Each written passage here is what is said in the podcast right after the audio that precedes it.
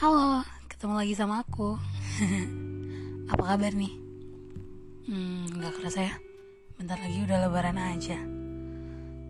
Oh iya, buat kalian yang lagi sakit, semoga cepat sembuh. Semoga cepat membaik. Dan jangan lupa minum obatnya. Hari ini aku pengen bahas tentang pacaran. Pasti kalian udah sering banget ya dengar kata-kata itu. Nah, eh, secara di zaman sekarang ini siapa sih yang nggak tahu pacaran? Bahkan anak SD aja udah pada pacaran.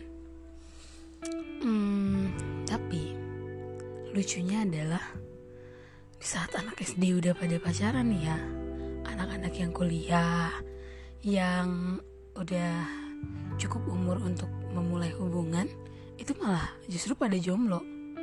Karena apa? karena kebanyakan dari mereka lebih mementingkan hal lain dibandingkan pacaran. Jadi buat mereka yang uh, lagi kuliah ataupun di umur-umur 20 ke atas itu mereka lagi sibuk-sibuknya menata masa depan lagi sibuk-sibuknya ngejar cita-cita karena um, hidup ini bukan tentang pacaran. Hidup ini bukan tentang hubungan seorang kekasih aja gitu loh sepasang kekasih aja. Ada yang lebih penting dari itu ya cita-cita gitu misalnya.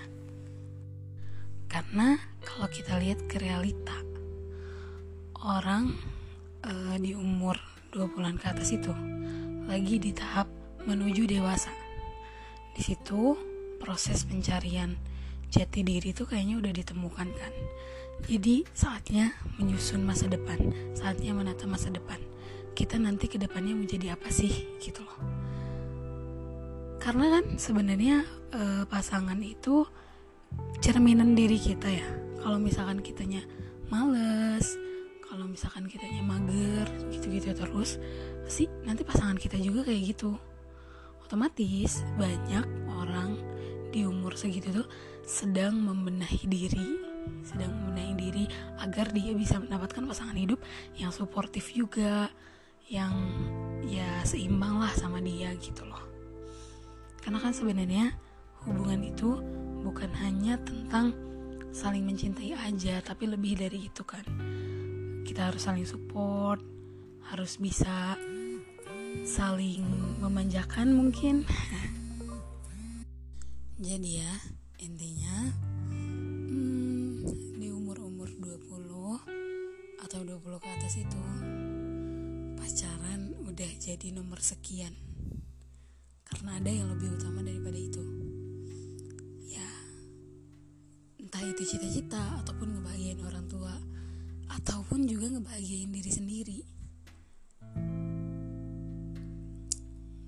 sih. Itu aja yang pengen aku sampaikan. Makasih ya udah mau dengerin. Sampai jumpa nanti. Bye